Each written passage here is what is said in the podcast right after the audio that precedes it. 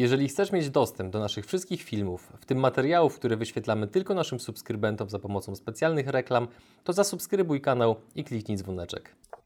Co jest kluczowe w zarządzaniu pracownikami? Myślę, że dużo jeszcze muszę się w tej kwestii nauczyć, ale wydaje mi się, że mm, kluczowe jest z nimi rozmawiać i się ich pytać o to, co oni chcą robić, co nie chcą robić, pytać się ich, co sądzą o tym, o tamtym i potem ich opiniami nie, a tak nie można powiedzieć, tych opinii nie wyrzucać do kosza, tylko je brać pod uwagę, yy, albo przynajmniej dać jakiś feedback, czemu ich nie bierzemy pod uwagę, nie? lub czemu ich nie wdrażamy. Więc myślę, że dawać im poczucie, że to, co robią, jest istotne, bo y, to jest y, kwintesencja tego, bo to jest istotne, co oni robią.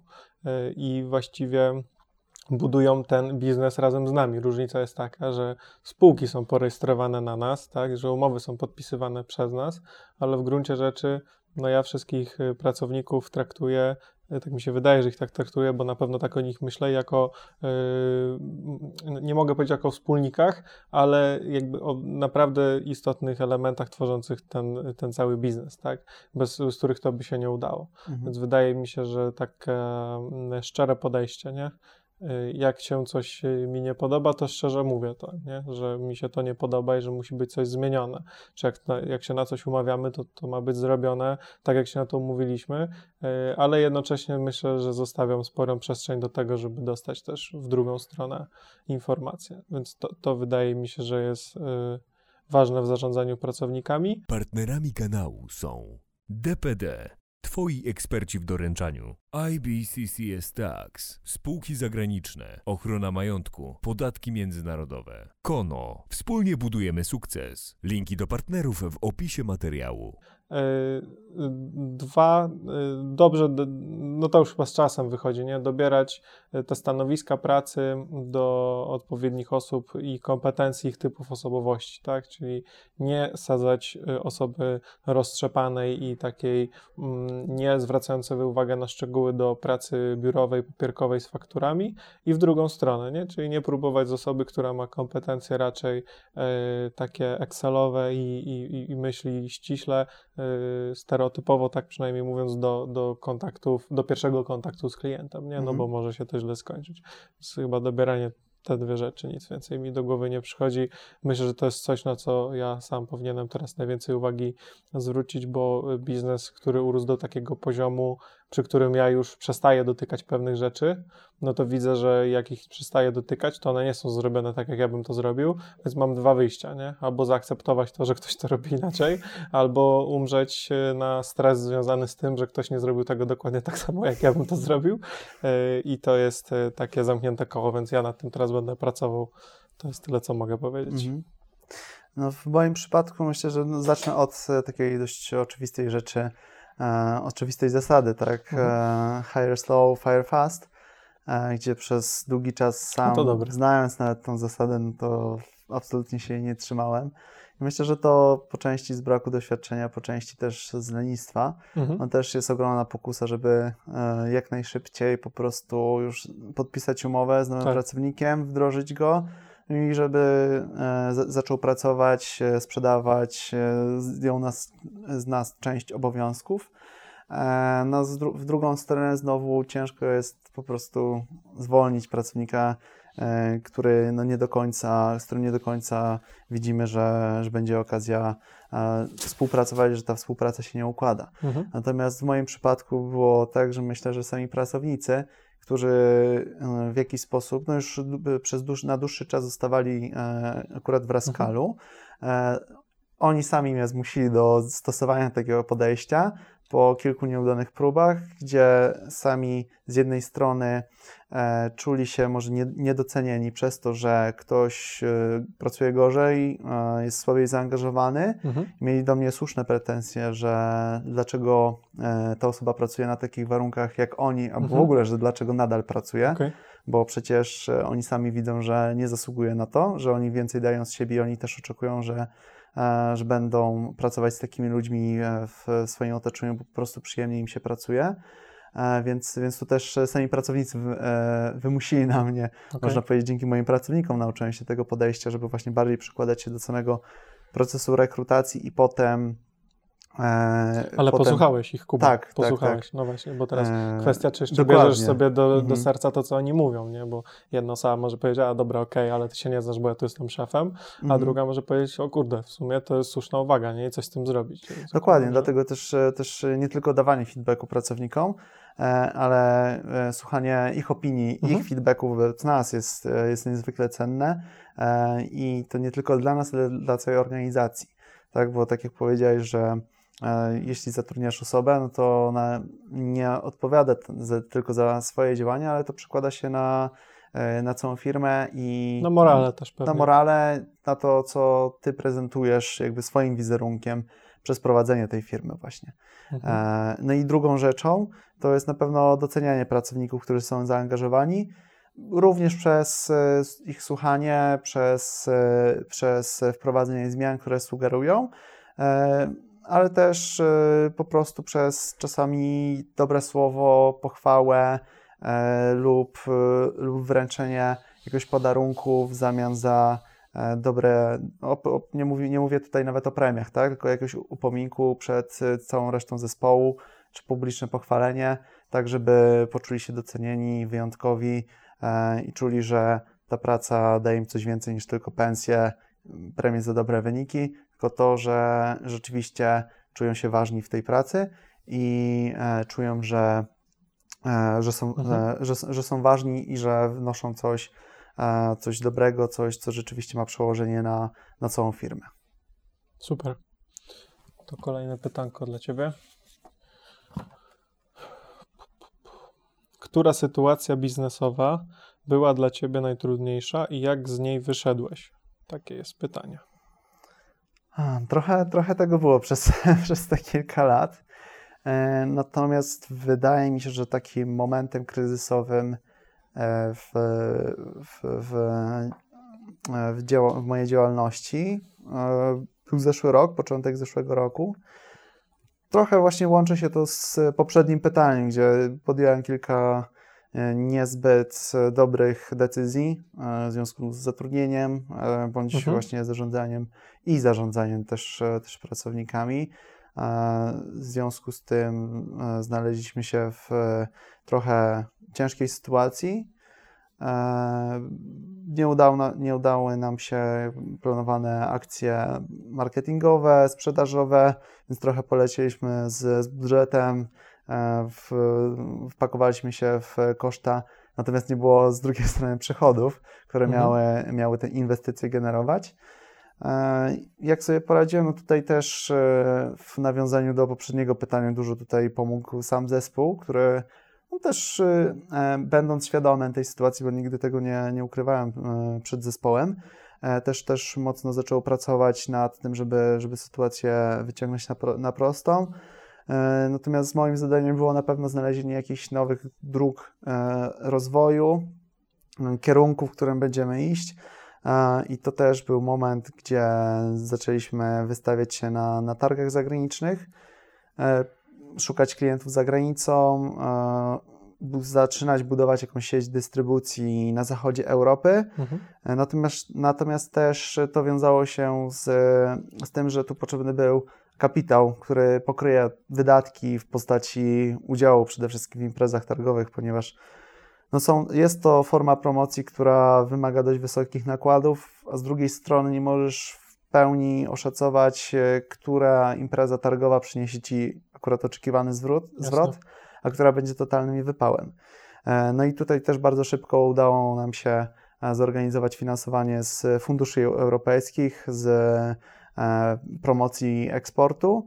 No i dzięki temu byliśmy w stanie tak naprawdę wskoczyć na inny, inny poziom już e, e, działania, Mm, ponieważ staliśmy się tak naprawdę graczem na międzynarodową skalę. Ko- za- zaczęliśmy być kojarzeni w branży oczywiście e, produktów reklamowych, akurat odzieży reklamowej wśród e, już niektórych agencji na zachodzie Europy, więc to na pewno e, taki kryzys okazał się taką trampoliną, która pozwoliła nam wejść co najmniej poziom wyżej, jeśli chodzi o naszą działalność. Okej. I to było tak y, najtrudniejsze. Można to tak, jeśli, jeśli pomyślę o całej, całej historii działalności, to na pewno było największym wyzwaniem e, ten moment. To u mnie y, nie, nie, wiem, czy aż tak było trudne, ale na pewno było ekstremalnie stresujące. E, to była sytuacja, kiedy jeszcze wiele rzeczy związanych z zarządzaniem e, najmem wykonywałem samodzielnie. To było około dwa lata temu. I e, miałem taką sytuację, w której mm, rano otrzymałem SMS-a od jednej z najemczyń, że kolega, współlokator z mieszkania, mieszkający w innym pokoju, no, zachowuje się co najmniej nieodpowiednio, ponieważ pił całą noc, w nocy próbował się dostać do jej pokoju i wysłała mi zdjęcie y, drzwi y, z wybitą pięścią, znaczy z wybitą dziurą y, za pomocą pięści do jej pokoju, z dopiskiem, że albo do momentu, że ona wraca z pracy o 15 i albo wyprowadzi się on, dajmy mu pseudonim Julian, że albo wyprowadzi się on, albo wyprowadzi się ona.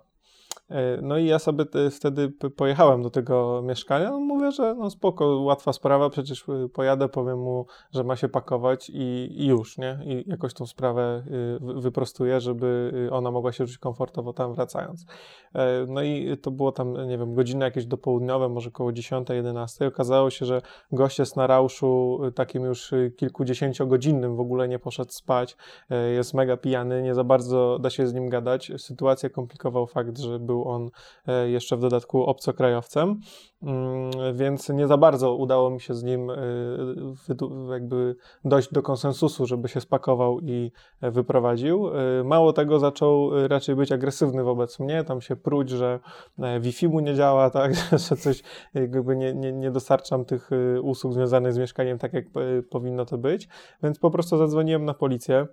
Policja przyjechała, całkiem sensowni goście, to też nie jest taka oczywista sprawa, że sobie pierwszego lepszego najemcę zadzwonisz na policję i policja ci go z mieszkania zabierze, nie? na przykład przykładowo takiego, co nie płaci. Y, to w ogóle nie jest sprawa mhm. policji, więc i tak fajnie, że udało mi się ich przekonać, żeby się tym zajęli, y, no ale miałem dość dobry argument, bo po prostu powiedziałem, że on zagraża życiu i zdrowiu y, tej kobiety, tak, więc jakby mają obowiązek w takim momencie zareagować i nie mogą mnie zlać, bo gdybym tylko powiedział, że gość się, gość, nie wiem, nie płaci, czy, czy nie sprząta, no to policja by by powiedziała, że wie pan co, no, e, że zaraz panu damy mandat za, za wzywanie nas na sprawy, którymi oni się nie zajmują, tak, bo to do tego jest rozstrzyga to sąd, e, a nie, a nie policja. No i jak to się zakończyło? E, oni przyjechali, pokazałem tego SMS-a, pokazałem te drzwi rozwalone, jakby opowiedziałem, jak wygląda sytuacja, że ta dziewczyna jest strasznie wystraszona, że zestresowana, że, nie, nie, że ona nie chce tu w ogóle już mieszkać i że ja sam nie chcę z tym gościem gadać, no bo po prostu ciężko rozmawiać z kimś, kto jest mm, pod, pod, pod takim wpływem. Swoją drogą najemca był zupełnie normalny. E, przez pół roku nie było z nim żadnego problemu. Po prostu e, z tego, co potem wywnioskowałem, stracił pracę, bo widziałem jego, jego kontrakt, tak? Przy weryfikacji, podpisywaniu umowy e, trochę się wahałem, bo też był starszy niż średnia wieku najemców na tym mieszkaniu, no ale pokazał mi kontrakt z, jakąś angielską korporacją, tak? Coś tam zarabiał kilka, czy nawet chyba około dychy miesięcznie, więc wydawało mi się, że jest jakby raczej normalnym wypłacaniem opłacanym najemcom. E, I, I tak było do tej pory. I chyba tą pracę stracił mhm. i po prostu zaczął pić. I to zaczął pić tak, że y, chyba pił kilka dni non-stop, może już nawet koło tygodnia, tak jak mi potem ci inni najemcy mówili.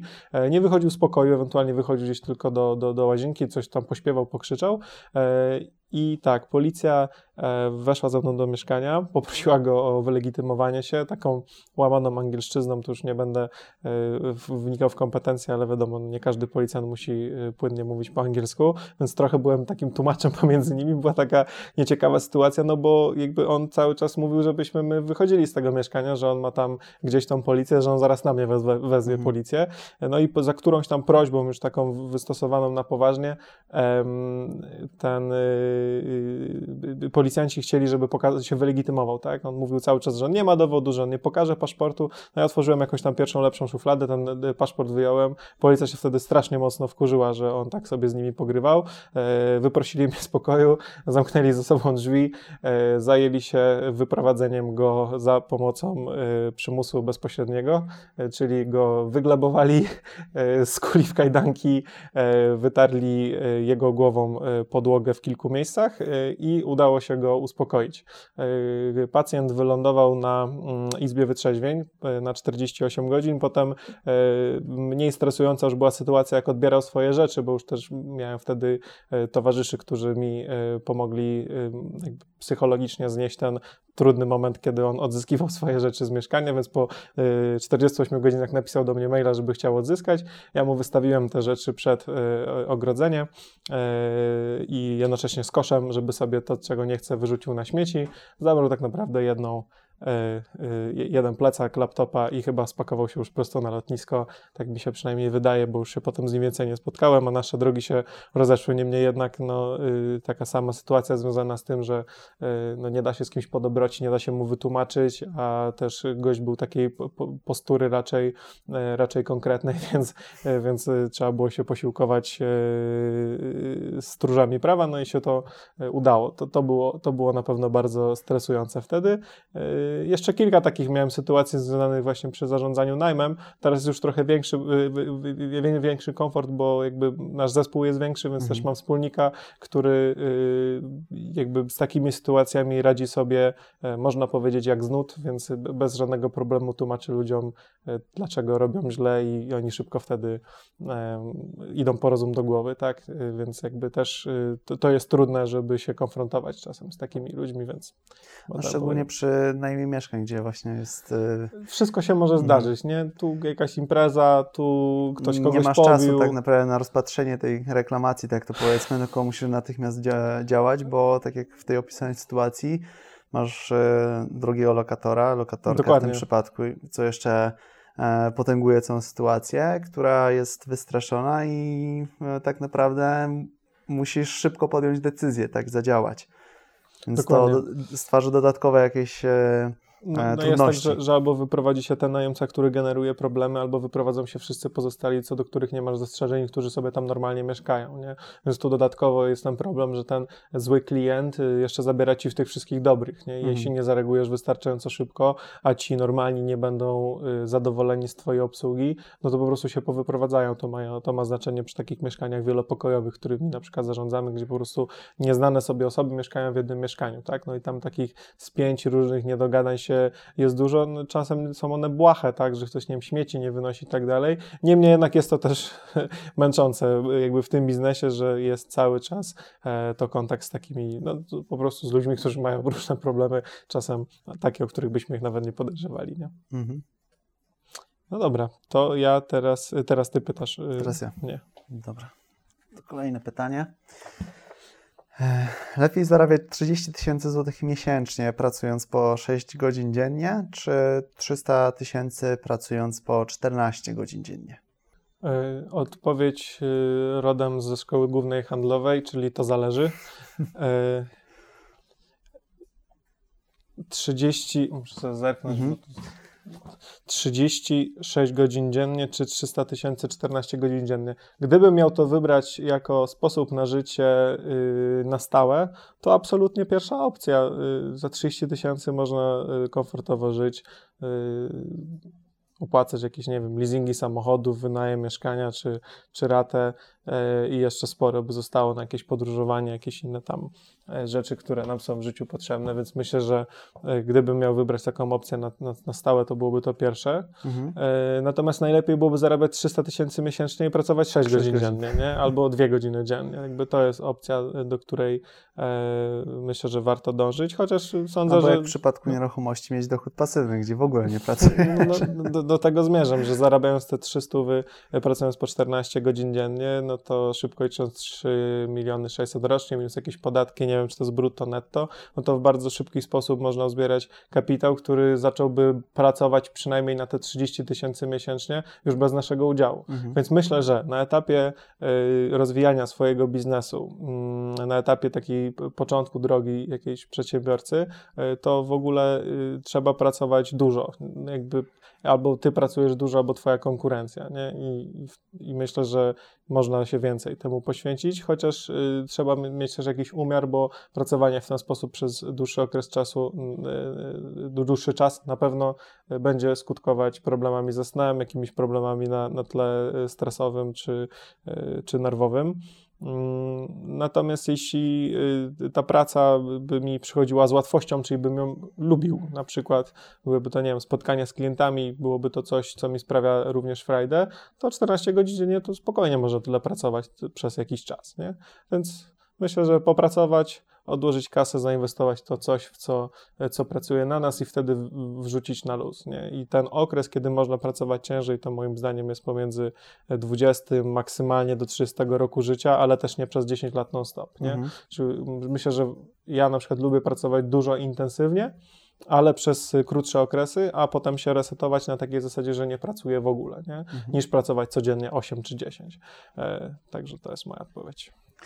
No Ja myślę, że to pytanie byłoby jeszcze trudniejsze, gdyby, gdybyśmy tu mieli e, porównanie nie 30 i 300 tysięcy, tylko 3 i 30 na przykład. Tak. Wtedy dużo, dużo większy miałbym dylemat. Natomiast e, te kwoty wydają mi się na tyle duże, że e, no, ciężko tak jednoznacznie odpowiedzieć na to pytanie, bo 30 tysięcy już jest wysoką kwotą, jeśli chodzi o jakiś miesięczny dochód. Natomiast e, moim zdaniem to, czy lepiej właśnie pracę 6 czy 14 godzin, właśnie e, łatwiej uzależnić od tego, co powiedziałeś, czy, czy praca przynosi ci przyjemność, czy jest twoją pasją. E, Wtedy tak naprawdę możesz bardziej się do tego odnieść i też wtedy nawet ta kwota 30-300 tysięcy nie jest takim wyznacznikiem, bo obie... Przestaje mieć znaczenie, nie? Dokładnie. Obie te kwoty pozwalają ci żyć na naprawdę już fajnym, wysokim poziomie. Yy, I to schodzi na drugi plan, tak? Czy jest jedno zero więcej, czy, czy mniej, chociaż różnica jest ogromna i może to trochę śmiesznie brzmieć, ale moim zdaniem wtedy już to jest e, drugoplanowe, kiedy wiesz, że to, co robisz e, codziennie sprawia ci przyjemność, że się realizujesz, rozwijasz, chcesz to robić i Mhm. przychodzisz z uśmiechem na twarzy do pracy każdego dnia. Więc e, wtedy, jeśli pracujesz po 14 godzin dziennie, to nie widzę problemu, żebyś zarabiał nawet 30 tysięcy, jeśli to będzie coś, co Dokładnie. pozwoli ci się realizować. Natomiast też to, co powiedziałeś, na pewno należy pamiętać o tym, żeby nie przesadzać, bo jeśli będziemy zbyt długo pracować po 14 godzin dziennie, tak jak w tym przykładzie, to po jakimś czasie ta praca stanie się nieefektywna i należy też pamiętać o odpoczynku, e, tak, żeby móc, e, żeby mieć możliwość po prostu odświeżyć umysł, Mhm. pomyśleć na trzeźwo, czy na pewno to, co robimy przez aż tyle godzin dziennie, nie da się zrobić inaczej, czy w ogóle ma to sens, e, czy może nie zmienić podejścia, albo po prostu zacząć robić cokolwiek innego, co będzie nam, czy to przynosiło więcej, większy przychód, albo dawało większą przyjemność. Bo Dokładnie. wtedy nie mamy po prostu nawet, zostaje mało czasu na sen i jak, jakąś rozrywkę, czas wolny odpoczynek, a co dopiero na przemyślenie, czy to, co robimy codziennie, e, jest najmądrzejszą, najmądrzejszym wyborem, jaki mamy. Dokładnie. No tu stawka godzinowa jest właściwie pięciokrotnie wyższa, tak? No bo 6 godzin i 30 tysięcy miesięcznie, a tam 14 i, i 300, więc można powiedzieć, że e, 5 razy więcej per godzina, ale to już jest na tyle sporo, że można za te pieniądze zarobione, e, za, za tą charówę 14-godzinną, Mhm. łatwo jest już potem odłożyć kasę na zatrudnienie kogoś, kto by nam na przykład pilnował e, tego naszego biznesu w trybie 6-godzinnym, Mhm. tak? Więc zmierzam do tego, że e, zarabiając y, tak, kilka milionów rocznie można bardzo szybko zbudować na tyle dużą poduszkę finansową, dla której dochody mm, e, potem przy- przy jakby takie bieżące bo przestaną mieć znaczenie, tak? No bo Mhm. jeśli ktoś wydaje miesięcznie 30 i pokryje sobie to e, z jakichś wynajmu mieszkań, czy z, z czegokolwiek, z jakichś innych takich źródeł, powiedzmy bardziej pasywnych lub, lub półpasywnych, e, no to może doprowadzić szybko do sytuacji, w której już nie musi w ogóle pracować, tak? A wtedy pracowałbym dokładnie tyle, na ile miałbym ochotę, nie? Mhm. E, I myślę, że to jest fajne rozwiązanie. Jak masz dzisiaj ochotę popracować 14 i to jest, i masz fajny dzień, to do it, nie? A jak Mhm. masz ochotę nie pracować dzisiaj i jechać sobie na Mazury, to, to też warto tak, e, tak działać, nie? Więc myślę, że w zależności w którym jesteśmy momencie. Tak, i patrząc tak z czysto powiedzmy f- finansowej strony Mhm. e, tego pytania, też, e, też pytanie kolejne takie się nasuwa, e, czy na pewno e, różnica pomiędzy m, tymi dwoma stopniami wynagrodzeń Mhm. będzie tak duża, jeśli oddelegujesz te obowiązki nowym pracownikom. Podejrzewam, że nie, że nie stracisz aż tak dużo, żeby ograniczyć swój czas pracy e, Dokładnie. w stosunku, no, w stosunku do, tej, do tej różnicy. Więc, e, więc pytanie, czy tak naprawdę opłaca ci się nawet, tak czysto, czysto patrząc tylko na finanse, czy opłaca ci się siedzieć aż tyle godzin w pracy, zamiast oddelegować to innym osobom. Myślę, że dokładnie zarabiając 300 szybko można za część tego wynagrodzenia znaleźć menedżera, który zrobi za ciebie y, przynajmniej jakąś część tej Mhm. pracy, tak żeby nie pracować 14. Nie? Dokładnie. Natomiast y, gdyby to były kwoty, tak jak powiedziałeś na początku, 3 a 30, y, no to nie da się dojść do niczego zarabiając 3000 miesięcznie, jeśli mówimy tu o aspekcie finansowym, czy w aspekcie jakiejś tej mitycznej wolności, tak? Czy tego, że tam jakiś, no nie kupisz mieszkania nawając, zarabiając 3, bo 2800 wydasz na życie w dużym mieście, tak? Mhm. Więc to są pieniądze, z, y, które nie pozwolą na zbudowanie e, raczej niczego. E, Więc y, tu miałbym większy dylemat, nie? Co, co zrobić. E, A przy tak dużych to myślę, że tak jak powiedziałeś. To pytanko, Kuba, dla ciebie. O, fajne i proste. Czy inwestujesz tylko w firmy? Do tej pory w dużej mierze tak było, e, że, że głównie, głównie inwestowałem w firmę, jeśli chodzi o takie inwestycje, które mają przynosić zwrot finansowy. E, Natomiast tu rozumiem pytanie, czy inwestuję właśnie w firmę w Rascala. Mhm. E, Z rok temu też, też, też rok temu otworzyłem drugą działalność, firmę meblową. Natomiast w chwili obecnej też właśnie zastanawiam się, w sumie też podjąłem już decyzję właśnie o inwestowaniu w nieruchomości, żeby Mhm. gdzieś pasywnie budować ten swój dochód. Tak? I bez- gdzie będziesz inwestował? Jeszcze tak do końca nie, aż o, o lokalizacji jeszcze nie podjąłem, nie, nie podjąłem jeszcze decyzji. A z kim? Tutaj mój rozmówca myślę, że, że Nie, ma spokojnie, wiesz, wybierz tak, jak tobie pasuje. Myślę, że e, myślę, że tutaj firma Trzech Kuku, no dość, nie, nie róbmy takiej mocno- laurki, nie? No tak, tak Wiadomo. dobra. E, Tutaj chciałem z jednej strony właśnie w ten sposób to powiedzieć, ale już się zakręciłem mocno. Okej. Dobra. A w coś jeszcze oprócz... Wracając oprócz, tam, nie? y, To na pewno nieruchomości, e, jeśli chodzi o takie pasywne, pasywne źródła dochodów.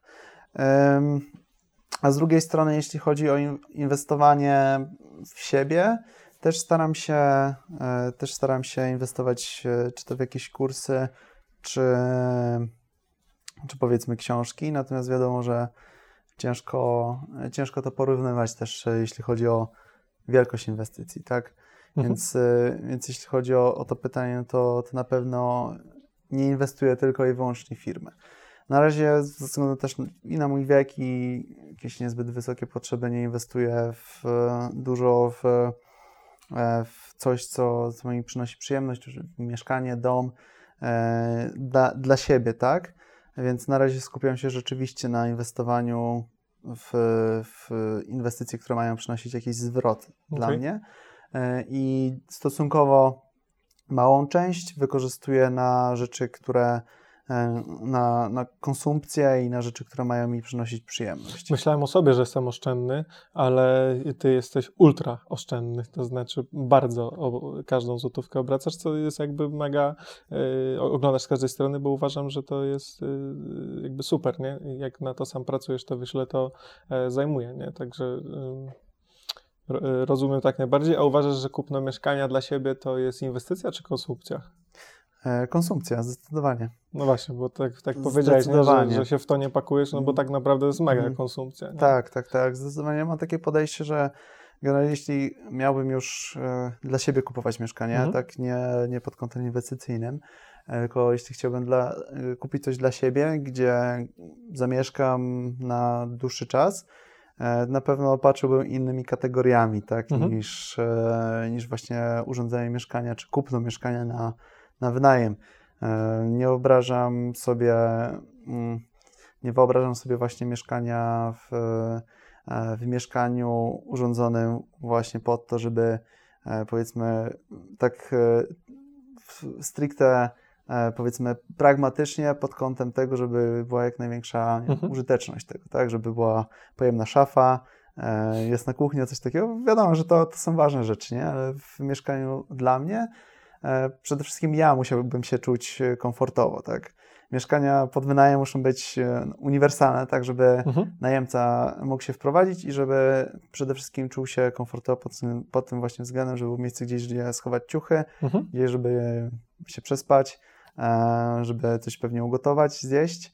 E, Natomiast e, kupując mieszkanie dla siebie właśnie mam takie podejście, że chciałbym, żeby tam było przyjemnie dla mnie, e, żeby mógł tam odpocząć, e, żeby też, też estetyka na pewno by się dla mnie liczyła i to moje poczucie gustu, tak, jakieś e, subiektywne. Więc myślę, że, że definitywnie to byłoby zupełnie inne podejście, tak, niż do, do, do urządzenia takiego czy kupna mieszkania na, na wynajem. Okej, a jakieś inne produkty, nie wiem, akcje, obligacje, złoto, nie dotykasz.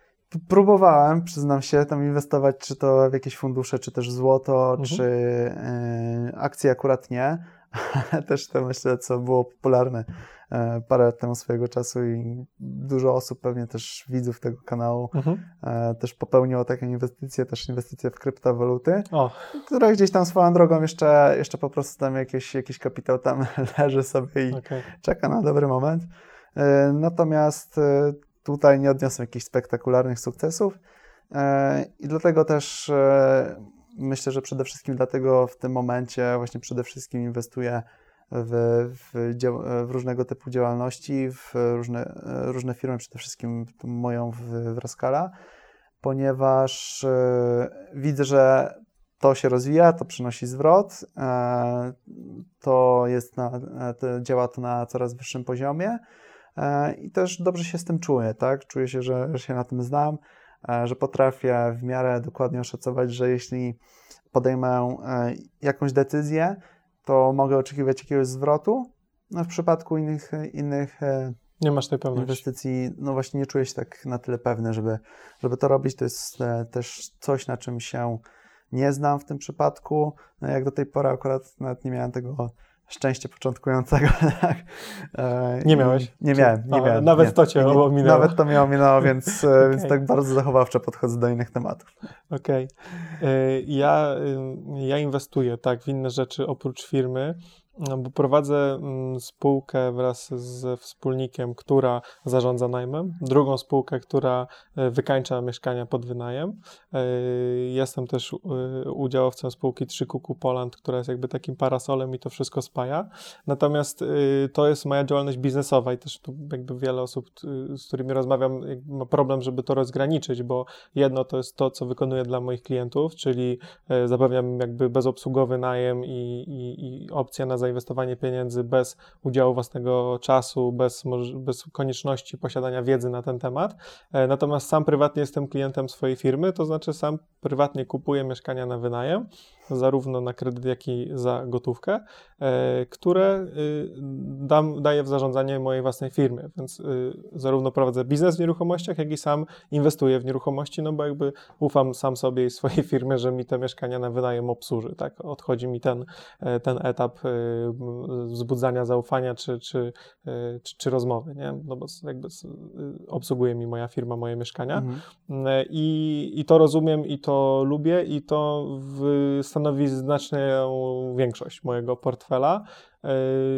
Podpowiada mi to, że daje mi to pieniądze co miesiąc i one są jakby namacalne w postaci gotówki na koncie płynącej od czynszu Y, od najemców, którzy zarabiają go w swojej pracy, tak? Więc jakby rozumiem skąd te pieniądze się biorą y, i nie lubię rzeczy, które są bardziej skomplikowane niż y, coś, co jesteśmy w stanie wyjaśnić w pięć zdaniach, nie? W pięciu zdaniach, a to jest bardzo proste. Wiem skąd oni mają pieniądze, wiem za co płacą, wiem, że będą w danej lokalizacji plus minus płacić podobne pieniądze przez kolejne lata, bo wokół są, nie wiem, uczelnie, miejsca pracy i to jest jakby znaczna część, natomiast z takich innych aktywów, które inwestuję, y, to akurat nie ominęła mania kryptowalut, więc nie, nie inwestowałem e, w nie wtedy. Mm, mam również e, złoto w formie fizycznej i tam na mm, około roku temu wraz ze wspólnikiem Kamilem Michalikiem e, nagraliśmy nawet taki podcast o, o inwestowaniu w złoto, e, taką rozmowę w ogóle o różnych formach inwestowania, e, nie jako porada inwestycyjna, tylko jako, jako takie nasze luźne przemyślenia. I to było na etapie, kiedy uncja złota była za niecałe 6 tysięcy złotych. Kupowaliśmy ją jakby regularnie pomiędzy 6 a 6,5 tysiąca złotych.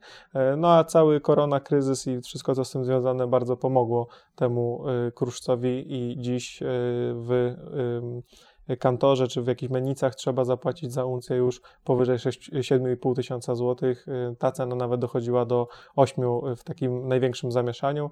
Jeszcze udało mi się kupić na początku marca, czyli na około tydzień przed takim lockdownem w Polsce, ostatnie sztuki Filharmonika Wiedeńskiego w Warszawie za 6,5, e, tam 6,550 chyba płaciłem, e, co już mi się wydawało, że jest dużo, nie? Wtedy, no bo pamiętałem ceny na, na poziomie 6, nie? Mhm. E, I, I jakby minął miesiąc czasu, to cała panika, rynki w dół, złoto na chwilę w dół, ale potem wystrzał do góry, no i myślę, że dziś tam ono gdzieś zmierza w stronę 1850, a nawet 2000 dolarów, tak sądzę, że, że tak to będzie, co jakby nie, nie trzeba tego nie trzeba się wiele zastanawiać. Polityka banków centralnych polegająca na drukowaniu tak dużo pieniędzy, jak to jest możliwe, musi wywołać wzrost e, cen e, aktywów i, i taką po prostu inflację na tych produktach finansowych. I to też rozumiem, nie? bo jakby umówmy się, kupno uncji złota tanio, aby ją ewentualnie odsprzedać drożej e, lub zachować po prostu siłę nabywcza, siłę nabywczą tej gotówki jest mega proste. Więc uważam, że to jest dobre rozwiązanie długoterminowo dla kogoś, nie kto chce, nie da się na tym zarobić, tak, bo tam jest jeszcze spread, prawda, kupujesz trochę e, drożej, musisz przepłacić, a potem odkupujesz taniej, to jest kilka procent straconych, więc jak ktoś chce kupić dziś, żeby za miesiąc zarobić, to nie jest opcja dla niego, ale jak ktoś dostał 10 tysięcy na komunie i nie ma e, pomysłu, co z tym zrobić, to to jest dobre rozwiązanie, żeby przechować wartości, moim zdaniem, w długim e, czasie, a długi czas dla mnie to jest horyzont, nie wiem, dziesięcioletni mhm. e, i to jest coś, co rozumiem. No, otworzyłem również na mani korona kryzysu rachunek maklerski e, i akurat mnie nie ominęło szczęście początkującego, bo e, udało mi się e, w polską giełdę wejść gdzieś na poziomie WIG-u tam 20, który był na 1600, on jest teraz na 800.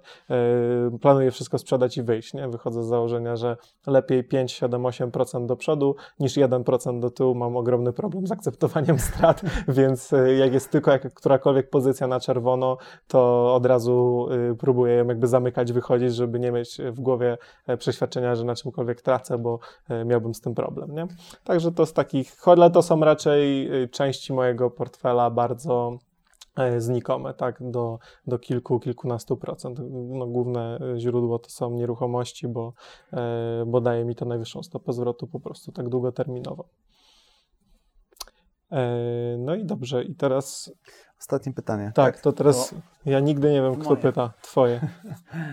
Dobra. Co jest najważniejsze w kontrolowaniu finansów e, w firmie? Ja mam Excel porobione właściwie e, na wszystko, e, czy też jakieś mm, tabelki swoje prywatne, czy nawet kartki papieru.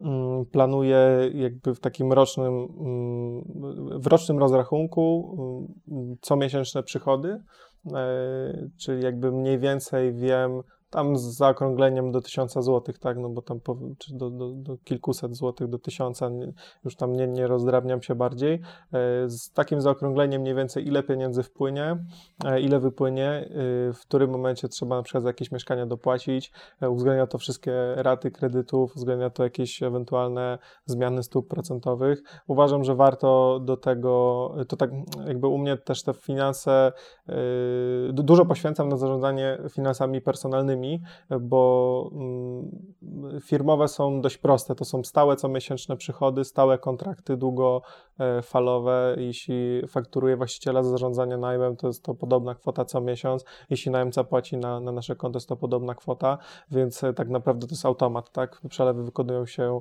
e, same e, i trzeba tylko sprawdzić, czy, czy wszystko wyszło. Więc co jest najważniejsze? Najważniejsze chyba no, trzeba dokładnie wiedzieć, na co idzie każda złotówka. Jakby nie, nie, widzę żadnej innej możliwości, więc po prostu najważniejsza jest, y, jest to, żeby w pełni wiedzieć, na co te pieniądze idą, tak mi się wydaje. E, przy czym nie, jakby już tam nie, nie, nie kontrolować tego, mhm. jak się raz to poukłada, no to tylko sprawdzać, czy jest ok, nie? E, trzeba wiedzieć dokładnie, ile pewne rzeczy kosztują, tak? Czyli czy nie przepłacamy księgowej, albo czy nie płacimy jej za mało i może po prostu nie wykonuje e, swojej pracy odpowiednio.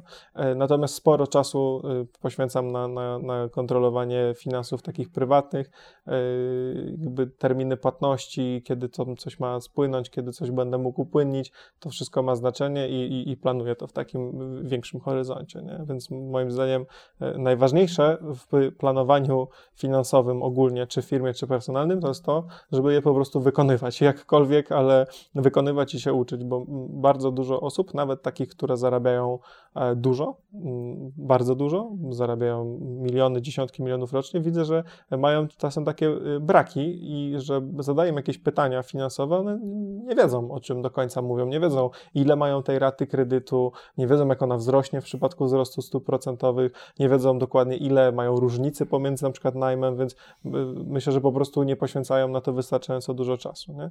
E, I, I tak traktują to po macoszemu, no bo jeśli kasa wpływa cały czas, klienci są, faktury opłacają, no to tak naprawdę można by tego nie dotykać, nie? ale y, ja lubię wiedzieć po prostu, y, czy w danym miesiącu zarobiłem, czy dołożyłem. No mhm. i jakby to wydaje mi się takie oczywiste, nie? Nie wiem, jak to jest u Ciebie. No zgodzę się w 100%, że właśnie sama świadomość jest bardzo ważna e, na temat tego, czy właśnie zarabiasz, czy nie, kto płaci i, i kontrolowanie tego. E, też, też jestem fanem właśnie spisywania wszystkiego w Excela. Często jest to irytujące dla pracowników, wspólników, że przymuszam po prostu wszystkich do tego, żeby każdy wydatek, przychód wpisać i e, żeby był pod mhm. kontrolą. Mhm. Natomiast to bardzo pomaga w momencie, kiedy nie wiesz za bardzo skąd się e, wzięły albo zniknęły pieniądze z konta. Głównie to skąd się wzięły nie jest problemem, bardziej tak, jak ci no zniknęło. Jeśli znika, to wtedy zaczyna się problem i po prostu jeśli robisz to na bieżąco, jeśli na bieżąco um, umieszczasz wszystko, czy nawet w Excelu, tak, nie mówię o innych jakichś programów, z tym akurat nie mam doświadczeń, ale jeśli nawet w Excelu umieszczasz e, mhm. e, wszystkie albo wszystkie ważniejsze, też umówmy się, e, wydatki i przychody, no to możesz w miarę łatwo dojść do tego, w jaki sposób stało się właśnie, dzieje się to, co, co w tej chwili obserwujesz na, na swoim koncie. Natomiast uważam, że najważniejsze w kontrolowaniu finansów w firmie jest to, żeby też mieć świadomość, kiedy są te dobre momenty, e, mhm. żeby zadbać wówczas o mm, dobrą ofertę na kredyt obrotowy, e, szukać inwestorów w tym momencie, generalnie, żeby e, być gotowym na czasy, kiedy jest gorzej, gorzej, kiedy nikt nie chce ci dać pieniędzy. Nie chce nikt ci dać pieniędzy, albo chce pożyczyć, ale dużo drożej. Mhm. Więc, więc uważam, że dlatego też warto jest kontrolować, e, kontrolować finanse w ten sposób, żeby być świadomym też tych momentów, kiedy jest super, żeby wtedy pójść po ofertę kredytu, ponegocjować stawki, poszukać inwestora, e, kiedy mhm. go nie potrzebujesz, e, właśnie po to, żeby być przygotowanym na jakieś gorsze, gorsze czasy. Tak naprawdę głównie pod względem płynności, tak? Było możliwe, że nadarzy Ci się super okazja, E, do inwest inwestowania, która totalnie e, wyniesie Twoją firmę na inny poziom. Mhm. ale nie będziesz miał gotówki, e, żeby zainwestować. Będziesz e, czuł się na siłach, e, jeśli chodzi o wiedzę, jaką posiadasz, jeśli chodzi o zespół, który ci pomoże ci zrealizować dany projekt, dane inwestycje. Będziesz się czuł też na siłach, jeśli chodzi o powiedzmy partnerów biznesowych, z którymi masz współpracować przy jego realizacji, ale okaże się, że Twoje wyniki finansowe akurat w danym kwartale, miesiącu E, nie są zadowalające mhm. i akurat nie znajdziesz nikogo, kto e, będzie w stanie sfinansować ten projekt. Tak? Pomimo tego, że wszystko, pomimo tego, że wiesz, że, że jest bardzo małe ryzyko, że coś pójdzie nie tak, że prawdopodobnie będzie bardzo dobry zwrot z tej inwestycji, ale z racji tego, że, że nie masz obecnie tam dobrych mhm. wyników i zapewnionej płynności, nie będziesz w stanie zrealizować tego zadania, tak? I po prostu okazja, która mogłaby zmienić funkcjonowanie Twojej firmy e, i po prostu e, wnieść ją na wyższy poziom działalności, zostanie zaprzepaszczona przez to, że nie pomyślałeś zawczasu o takim strategicznym kroku, tak? I zapewnieniu sobie jakiegoś finansowania cash flow wtedy, kiedy sytuacja była dobra i kiedy miałeś, e, kiedy miałeś ku temu możliwości, niekoniecznie Dokładnie. potrzeby. Żeby dopiero nie pomyśleć o tym, tak, tego dopiero momentu, pomyślałeś, jak, jak pojawiła się potrzeba, ale nie masz do, do końca możliwości, żeby tą płynność jakoś podkręcić. Dokładnie. No, y, ja też myślę, że y, tak, tak podobno badania mówią, że większość firm nie wywala się do tego, że ktoś nie, policzył przychodów, kosztów, bo teoretycznie to jest wszystko policzone. Problem jest taki, że y, konto nie odzwierciedla, czy stan konta nie odzwierciedla tego, co miało się wydarzyć, bo tu ktoś nie zapłacił, tu doszły nowe wydatki, tu trzeba było dać wkład własny na samochód, czego nie uwzględniałeś i okazuje się, że miało być plus 50, a brakuje 20 i wtedy jest problem. Więc po prostu wybiegać w przyszłość tak jak powiedziałeś, i, e, i to też bardzo cenna uwaga z tym, żeby zadbać o te choćby jakieś możliwości opcji B, tak, czyli kredytowania się, nie wiem, jakimś tam kredytem obrotowym e, w chwili, kiedy e, wszystko jest ok, bo wtedy, kiedy zaczyna się jakiś chaos, kiedy ktoś przestaje płacić, czy dzieje się jakiś tam kryzys, wszyscy wstrzymują płatności, każdy kumuluje gotówkę, jakby niechętnie puszcza faktury dla kontrahenta, to no, banki nie podchodzą wtedy chętnie do, do, do, do, takiej pomocy, nie? Bo mhm. banki raczej pożyczają wtedy, kiedy masz, nie? A nie wtedy, kiedy ci potrzeba, wtedy chętniej pożyczają. Ja też mówię to z, mm, też e, na podstawie własnego doświadczenia. No właśnie, chyba kiedy... teraz, nie? że gdybyście nie mieli kasy skumulowanej, to, to ten temat z maseczkami, tak? Czy też, też, okay. też by nie wyszło. Też musieliśmy zadbać o to odpowiednio wcześniej, ale mhm. to znowu też pomyślałem o tym e, przez to, że poprzednio zdarzały się momenty, kiedy wszystko było ok, uznawałem, że jak jest ok, no to po co teraz marnować czas po prostu na bieganie po bankach czy mhm. Mm, szukanie jakichś źródeł e, finansowania, bo, bo to nie jest potrzebne. I potem okay. nagle przychodził gorszy okres. I, I by się przydało. Przydałoby się. A teraz nie, po pierwsze też nie ma czasu, bo, bo trzeba się zająć ratowaniem firmy albo tam poprawą sytuacji powiedzmy a po drugie, no, nikt w tej sytuacji szyb, szczególnie na szybko nie udzieli finansowania, tak? Też, też to jest proces, który zajmuje czas. A tu potrzebne były środki na tu i teraz. Na szczęście poradziliśmy sobie jeden raz, drugi. Za trzecim razem już e, zadbaliśmy o to trochę wcześniej. E, no i dzięki temu też akurat przy projekcie z maseczkami miało to ogromne znaczenie, że mogliśmy się wspomóc e, dodatkową ilością gotówki, e, żeby potem e, wypełnić zakładane cele i, i dużo szybciej iść do przodu z całym projektem.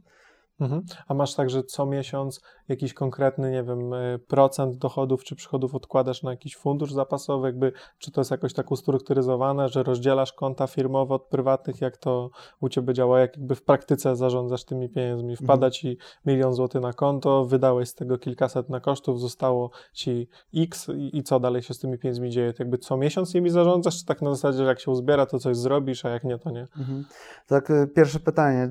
E, na pewno oddzielam prywatne mhm. pieniądze od, od tych firmowych, to w ogóle od samego początku miałem taką zasadę. E, jako jeszcze licealista wtedy dostałem taką radę od kogoś dużo bardziej doświadczonego, wziąłem do serca, więc to od początku się jej trzymam i nigdy jej nie załamałem. Natomiast jeśli chodzi właśnie o takie planowanie finansowe, to bardziej e, patrzę na to projektowo, ponieważ też staram się, mm, staram się łapać e, okazje, które dają szansę na przyspieszenie rozwoju firmy, na rozszerzenie działalności. E, dlatego też bardziej tutaj patrzę pod kątem, kątem projektów, jakie, jakie się nadarzają. Okay. No oprócz tego oczywiście mamy taką operacyjny plan, tak, w postaci tego, komu możemy dać e, jakiś termin płatności dłuższy, u kogoś zaliczka, co też e, to, i to ma największy wpływ na taką codzienną, e, codzienną kondycję finansową firmy. Masz już jakiegoś dyrektora finansowego, czy ty się tym zajmujesz? Nie, nie, nie. To, okay. to ja się tym zajmuję, natomiast też, też tłumaczę pracownikom, tak, uświadamiam ich, dlaczego to jest ważne, dlaczego ten klient ma zapłacić zaliczkę, a ten może mieć e, dwumiesięczny termin płatności. Okay. Tak, no i dzięki temu y, mnie też samego kosztuje mniej wysiłku właśnie pilnowanie tego, gdy cały zespół jest tego świadomy. Tu dużą różnicę widzę pomiędzy firmami, które właśnie działają w branżach, gdzie są terminy płatności, gdzie y, jakby on nie, nie ma płatności z góry, to czy to nie jest przynajmniej normą, ale to względem branży naszej, gdzie raczej przyjmujemy płatności z góry, bo najemca płaci do piątego dnia za dany miesiąc, w którym będzie mieszkał, czyli przykładowo teraz w sierpniu do piątego E, sierpnia zapłaci z góry, więc tego problemu nie ma. Jak nie zapłaci, możemy reagować szybciej, tak? Więc te mhm. straty się nie pogłębiają. E, natomiast myślę, że na to warto zwrócić uwagę w takich branżach, jak jest Twoja, tak? Że, że ta kasa na papierze jest, faktura jest wystawiona, tylko jak jej nie ma na koncie, to nie może za nią kupić e, wynagrodzenia pracownika chociażby, nie? Tak, tak. Dziękujemy za drugi odcinek. Mamy nadzieję, że Znajdziecie tutaj dużo pozytywnej e, energii i dużo, dużo wiedzy, którą możecie wykorzystać w swojej codziennej działalności. I zapraszamy do kolejnego odcinka, w którym e, będziemy sobie zadawać z Kubą pytania nawzajem, wymyślone przez nas, a już nie z kartki.